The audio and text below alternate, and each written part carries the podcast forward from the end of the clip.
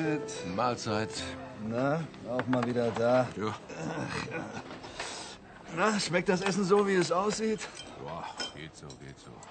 Na, wenigstens das Kantinenessen könnte vernünftig sein. Wenn die Arbeit keinen Spaß macht. Wieso? Was war denn? Ach, das Abteilungsleiter, da. Dem kannst du kein vernünftiges Wort reden. Weißt du, ist das so. Seit zehn Jahren arbeite ich jetzt in der Reklamationsabteilung. Und ich kenne unsere Kunden und deren Probleme mehr als genug. Ja, ihr müsst immer alles ausbaden. Ja, das sowieso. Also, wie gesagt, ich kenne unsere Kunden und deren Probleme. Aber unser Chef, der vergräbt sich in seinem Büro. Der hat seit Jahren keinen Kunden mehr zu Gesicht bekommen. Und trotzdem tut er so, als hätten wir keine Ahnung vom Umgang mit den Leuten. Na, kenn ich, kenn ich, kenn ich, kenn ich. Ich zum Beispiel. Hm? Hm. Ich hätte ein paar gute Vorschläge, wie man die Durchlaufzeit einer Reklamation wesentlich verkürzen könnte. Also, damit die Kunden nicht immer so lange warten müssen. Ja. Und, was hat er dazu gesagt? Ja, das Übliche. Das machen wir seit 20 Jahren so. Alles bleibt, wie es ist. Keine Experimente. Ja, ja, Darf da wohl die wahr sein. Nimmt mich überhaupt nicht ernst. Da kommt dein Chef. Wem erzählst du das? Bei uns im Lager ist das nicht anders. Wir werden auch nur hin und her kommandiert. Unsere Meinung ist halt nicht gefragt. Und genau diesen Umgang bin ich jetzt leid. Ich habe mich schon nach einem neuen Job umgesehen. Mein Schwager hat gesagt, in seiner Firma wäre bald eine Stelle frei. Vielleicht bewerbe ich mich ja dort. Hast du recht, hast du recht. Kannst mich ja mitnehmen. Ja, klar, Mann. Mach ich doch. Ich höre mich mal um. Also, bis morgen. Ich muss wieder. Tschüss. Ja, halt die Ohren steif. Bis morgen.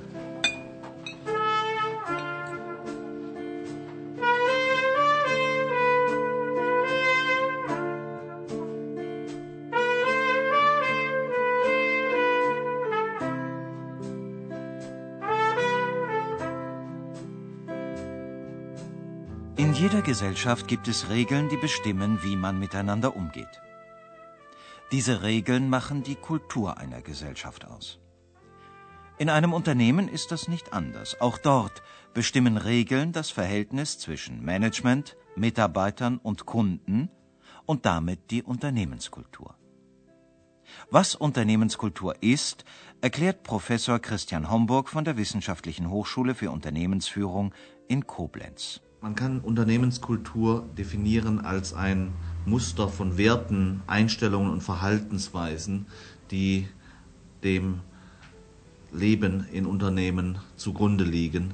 In gewissem Sinne ist die Unternehmenskultur die Summe aller ungeschriebenen Gesetzmäßigkeiten im Unternehmen. Welche Verhaltensweisen werden honoriert, welche Verhaltensweisen werden sanktioniert, wie kommuniziert man miteinander, bis hin zu solchen sichtbaren Dingen wie äh, Büros gestaltet sind, wie äh, die einzelnen Mitarbeiter gekleidet sind.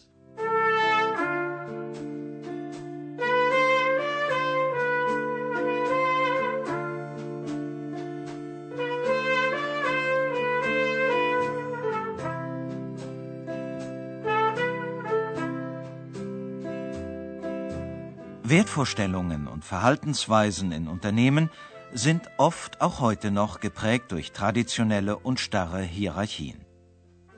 Enge Stellenbeschreibungen, strikte Kompetenzdefinitionen und zentralistische Entscheidungsprozesse bestimmen den Alltag im Betrieb. Die Mitarbeiter sind oft lediglich Befehlsempfänger.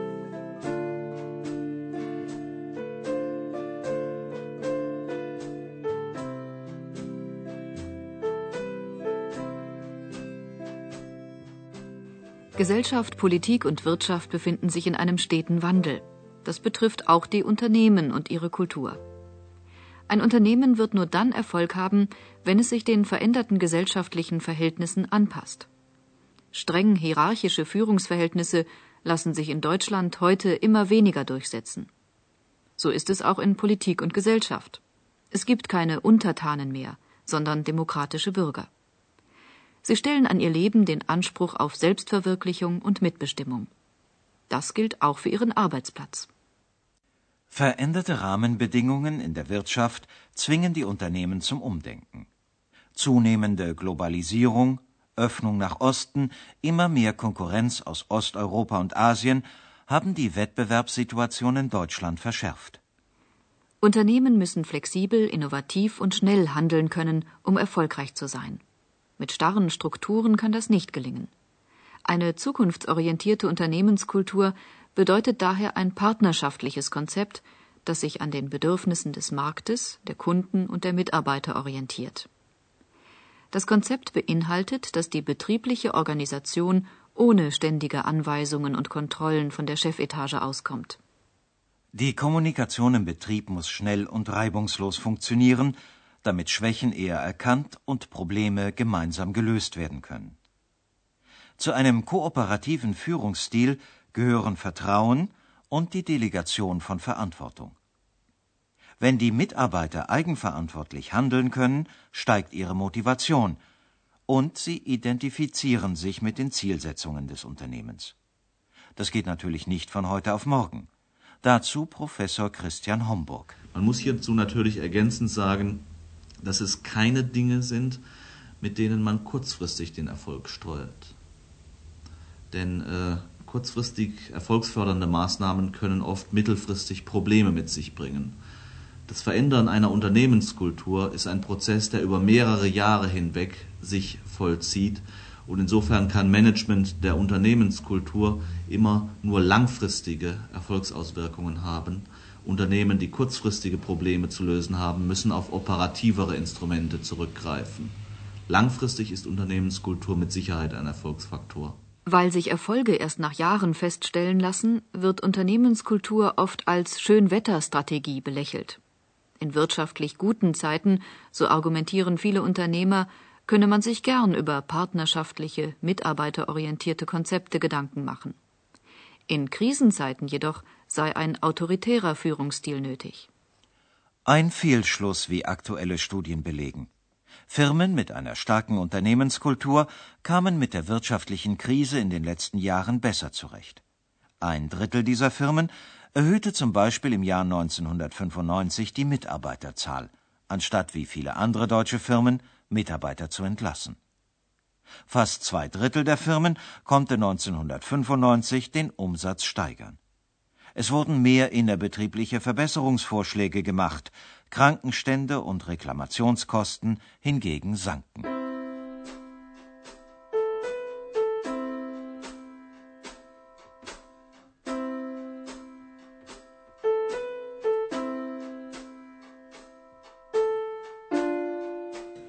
Vielen Dank für die Einladung, aber ich gehe heute Abend ins Theater. Eine Komödie. Ich möchte mal wieder lachen. Hier gibt's ja nicht so viel zu lachen. Ja, es wird wirklich manchmal schwer. Also viel Spaß noch. Euch ebenfalls. Tschüss.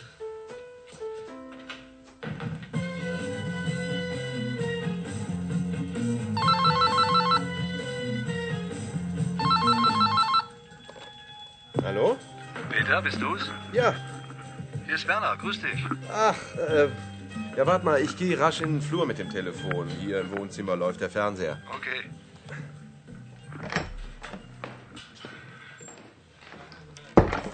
So, jetzt kann ich sprechen. Altes Haus.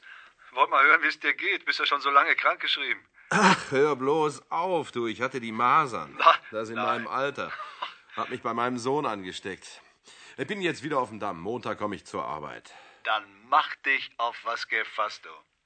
Ich war gestern auf der Betriebsversammlung Ja? stell dir vor, der Sohn vom Boss soll die Geschäftsleitung übernehmen. Nee. Dieser Juppie, der mit den langen Haaren? Ja, genau der. Die Haare hat er sich übrigens abschneiden lassen. Du, der will den ganzen Betrieb umkrempeln, hat er gesagt. Na, Prost Mahlzeit. Dann haben wir ja demnächst noch weniger zu lachen. Nee, nee, im Gegenteil. Das hört sich alles ganz gut an, was er da auf der Versammlung erzählt hat. Wieso? Er meint, das Unternehmen bräuchte, naja, ja, wie hat er das genannt? Äh, genau, eine neue Unternehmenskultur bräuchten wir. Unternehmenskultur? Das habe ich ja noch nie gehört. Na, ich habe es auch erst nicht verstanden, aber er hat es dann erklärt. Also pass mal auf. Wir alle, hat er gesagt, wir sollten mehr beteiligt werden. Äh. Zum Beispiel soll jede Abteilung Gruppen bilden, in denen dann jede Woche Probleme, organisatorisches und was so anliegt, du, besprochen werden kann. Und dann, dann sollen wir auch Vorschläge machen können, was unseren Arbeitsplatz betrifft. Oder wenn einer von uns eine Idee hat, wie der Arbeitsablauf besser klappen könnte. Ah ja. Und du, der neue Chef, der will die Weiterbildung fördern. Und wer Zusatzqualifikationen erwirbt, der bekommt auch mehr Gehalt. Und außerdem sollen flexible Arbeitszeiten eingeführt werden. Ah, das klingt ja gar nicht so verkehrt. Da könnte ich ja morgens die Kinder in die Schule bringen. Claudia wäre sicher froh. Und das ist noch nicht alles, du. Es soll außerdem eine Gewinnbeteiligung geben. Wir nee. alle können zu stillen mhm. Gesellschaftern der Firma werden. Ah ja, und wenn ein Problem auftritt, kann jeder Mitarbeiter jederzeit mit dem Chef sprechen. Du, den Rest erzähle ich dir dann am Montag beim Mittagessen, ja? Ja, da bin ich aber gespannt, wie der Juniorchef das alles schaffen will. Wir werden es erleben. Bis Montag dann. Bis Montag. Tschüss. Tschüss. Claudia? Claudia, hör doch mal. Ich muss dir was erzählen. Peter war gerade dran. Stell dir vor, der neue Chef, der Juniorchef.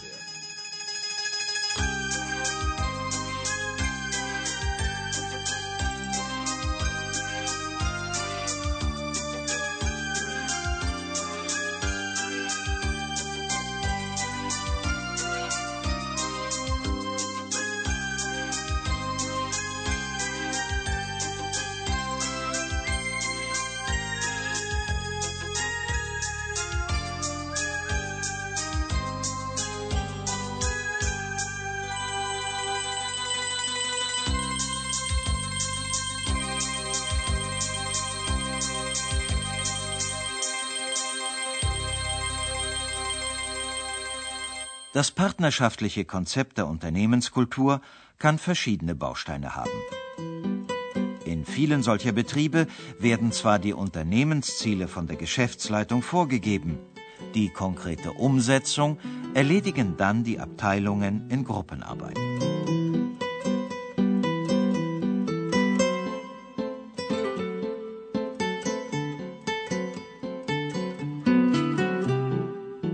Regelmäßige Gruppengespräche sorgen für ständigen Informationsfluss und reibungslose Kommunikation. Viele Unternehmen fördern die permanente Weiterbildung der Mitarbeiter und führen zur flexibleren Arbeitszeitgestaltung die Gleitzeit ein. Verschiedene Gewinnbeteiligungsmodelle fördern die Identifikation mit den Unternehmenszielen. Die Mitarbeiter werden zu Mitunternehmern.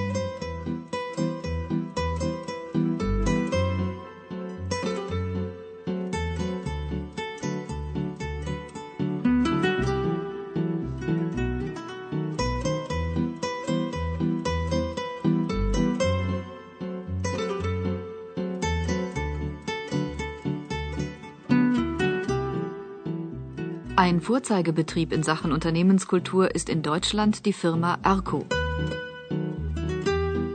Das Unternehmen ist im nordrhein-westfälischen Lüdenscheid beheimatet.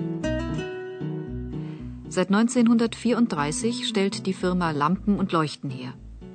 Mittlerweile umfasst die Palette einfache Tischlampen, exklusive Designerlampen und ganze Leuchtsysteme. Das Unternehmen hat namhafte Kunden in aller Welt. Arco rückte zum Beispiel die Eingangshalle des Louvre in Paris ins rechte Licht und auch die Hongkong und Shanghai Bank in Hongkong. Etliche Designerpreise hat die Firma schon gewonnen. Der Umsatz liegt heute bei weit über 200 Millionen Mark, den rund 1100 Mitarbeiter erwirtschaften.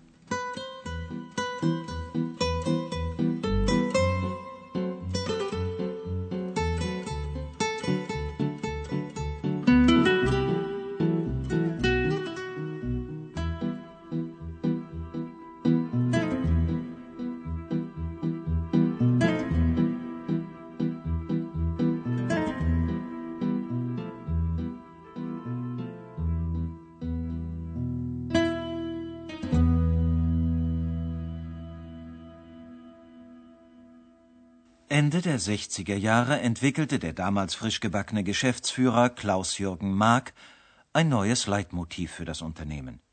Wir verkaufen keine Lampen, sondern Licht, so lautete das Motto. Das neue Leitbild ging Hand in Hand mit einer langfristigen Umstrukturierung des gesamten Unternehmens. Dazu Geschäftsführer Mark. Ich glaube, dass wir gar nicht bewusst Unternehmenskultur eingeführt haben, sondern wir haben uns in einer gewissen Form verhalten. Wir haben uns Zielsetzungen gehabt und zum Schluss haben uns Leute erzählt, das ist Unternehmenskultur.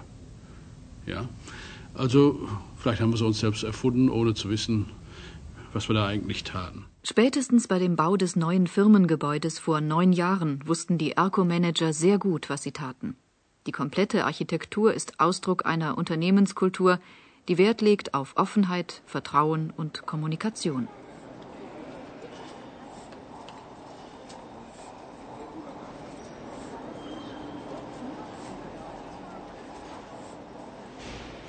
Der erste Eindruck beim Gang durch das moderne Firmengebäude. Es ist sehr licht, hell und offen. Weit geschnittene Hallen und Glaswände sorgen für Transparenz, für verstärkte Kommunikation und ständigen Gedankenaustausch. Von der Verkaufsabteilung können die Mitarbeiter wie von einer Veranda in den Bereich Lichttechnik blicken. Vom Foyer aus sieht man in die Werkshallen hinein. Auch Geschäftsführer Mark ist nur durch eine Glasscheibe vom Großraumbüro der Sekretärin getrennt. Hinter der ausgefeilten Architektur steht eine Idee. Kein Mitarbeiter soll sich als Rädchen im Getriebe fühlen. Die Ziele dieser Architektur sind Offenheit, Mitteilungsbereitschaft und Gespräche, nicht Abschottung und Geheimniskrämerei. Klaus-Jürgen Mark erklärt die Vorteile einer solchen Architektur. Früher hatten wir als ich hier in dem Unternehmen anfing, lange her natürlich schon, gab es einen Konferenzraum und der wurde so immer wieder mal benutzt. Heute gibt es im Grunde genommen kein Geschoss, wo sich nicht die Leute ständig zu Besprechungen treffen. Weil sie können nur im Gedankenaustausch weiterkommen. Das heißt, durch die permanente Kommunikation, sei es durch Schulung, sei es durch Besprechungen, sei es überall, ist egal, ob sie auf der Toilette sind, überall quatschen die Leute miteinander und versuchen Dinge nach vorne zu bringen oder überhaupt zu verstehen, einzuordnen, Klarheit zu kriegen etc. pp. Das Kapital des Mittelständlers Erco sind seine versierten, teamfähigen Mitarbeiter. Dafür sorgt das große Angebot an innerbetrieblicher Aus- und Fortbildung. Auf dem Stundenplan der Mitarbeiter stehen auch kommunikationsorientierte Lehrgänge, wie Kurse in Führungstechnik oder Zeitmanagement. Studenten aus der ganzen Welt kommen zu ERCO nach Lüdenscheid, um dort Praktika zu absolvieren. Gefördert wird bei ERCO nicht nur die interne Kommunikation im Betrieb, sondern auch die Kommunikation nach außen mit den Kunden, den Händlern, den Menschen vor Ort. ERCO hat viel Besuch. Architekten, Designstudenten, Händler, Lichttechniker und viele andere Gruppen von Besuchern kommen nach Lüdenscheid, um sich das Gebäude anzuschauen, die Fertigungstechnik oder die Designabteilung. Die Umweltauflagen von der Kommune hat Erko übererfüllt. Die Damen und Herren aus dem Lüdenscheider Stadtrat kamen sogar, um sich Erkos Bau- und Begrünungspläne als Vorbild für andere Bauvorhaben auszuleihen.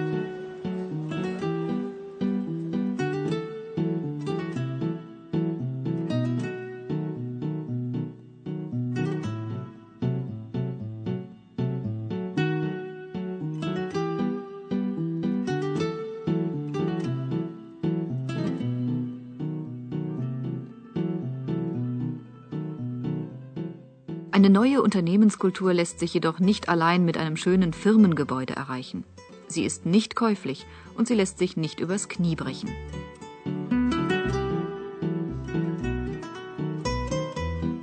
Hinter jeder Erfolgsgeschichte in Sachen Unternehmenskultur stehen fast immer starke Führungspersönlichkeiten, die sich mit dem partnerschaftlichen Führungsstil voll identifizieren und ihn vorleben.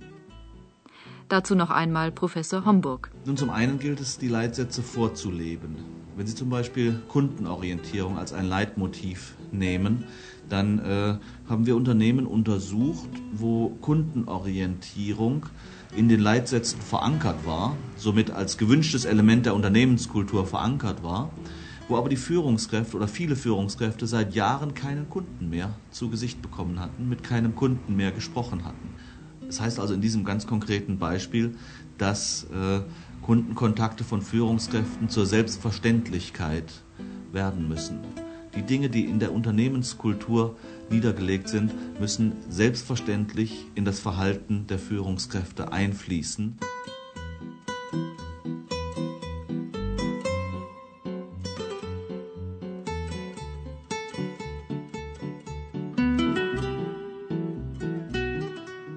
Doch nicht nur die Führungskräfte, sondern alle Beteiligten im Unternehmen müssen sich mit der Firma, der Zielsetzung und den Aufgaben identifizieren. Von der Putzfrau bis zum Geschäftsführer. Eine neue Unternehmenskultur im Betrieb auch zu leben und umzusetzen, ist nicht einfach. Die Durchsetzung neuer Strukturen im Unternehmen ist ein langer Lernprozess. Führungskräften fällt es mitunter schwer, Verantwortung abzugeben. Und auf den unteren Ebenen eines Betriebs haben die Mitarbeiter oft nicht gelernt, selbstständig zu entscheiden, Leistung zu verbessern, vorwärts zu schreiten. Die Folgen erklärt Professor Homburg. Ich glaube, dass keiner dieser Veränderungsprozesse äh, für alle Mitarbeiter nur Gutes mit sich bringen wird. Wenn man beispielsweise mehr Unternehmertum im Unternehmen fördern möchte, dann möchte man auch mehr fordern. Es wird immer Mitarbeiter geben, die diese Veränderungsprozesse bewältigen. Und es wird, das muss man ganz klar sehen, auch immer Mitarbeiter geben, die diese Veränderungsprozesse nicht bewältigen. Denn es wird nicht nur Gewinner geben bei diesem Prozess.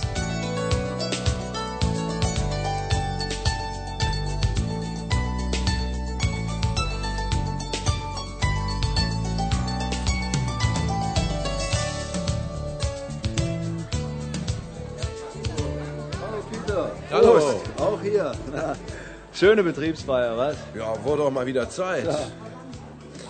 Ja, vor zwei Jahren haben wir noch in der Kantine gesessen und gejammert.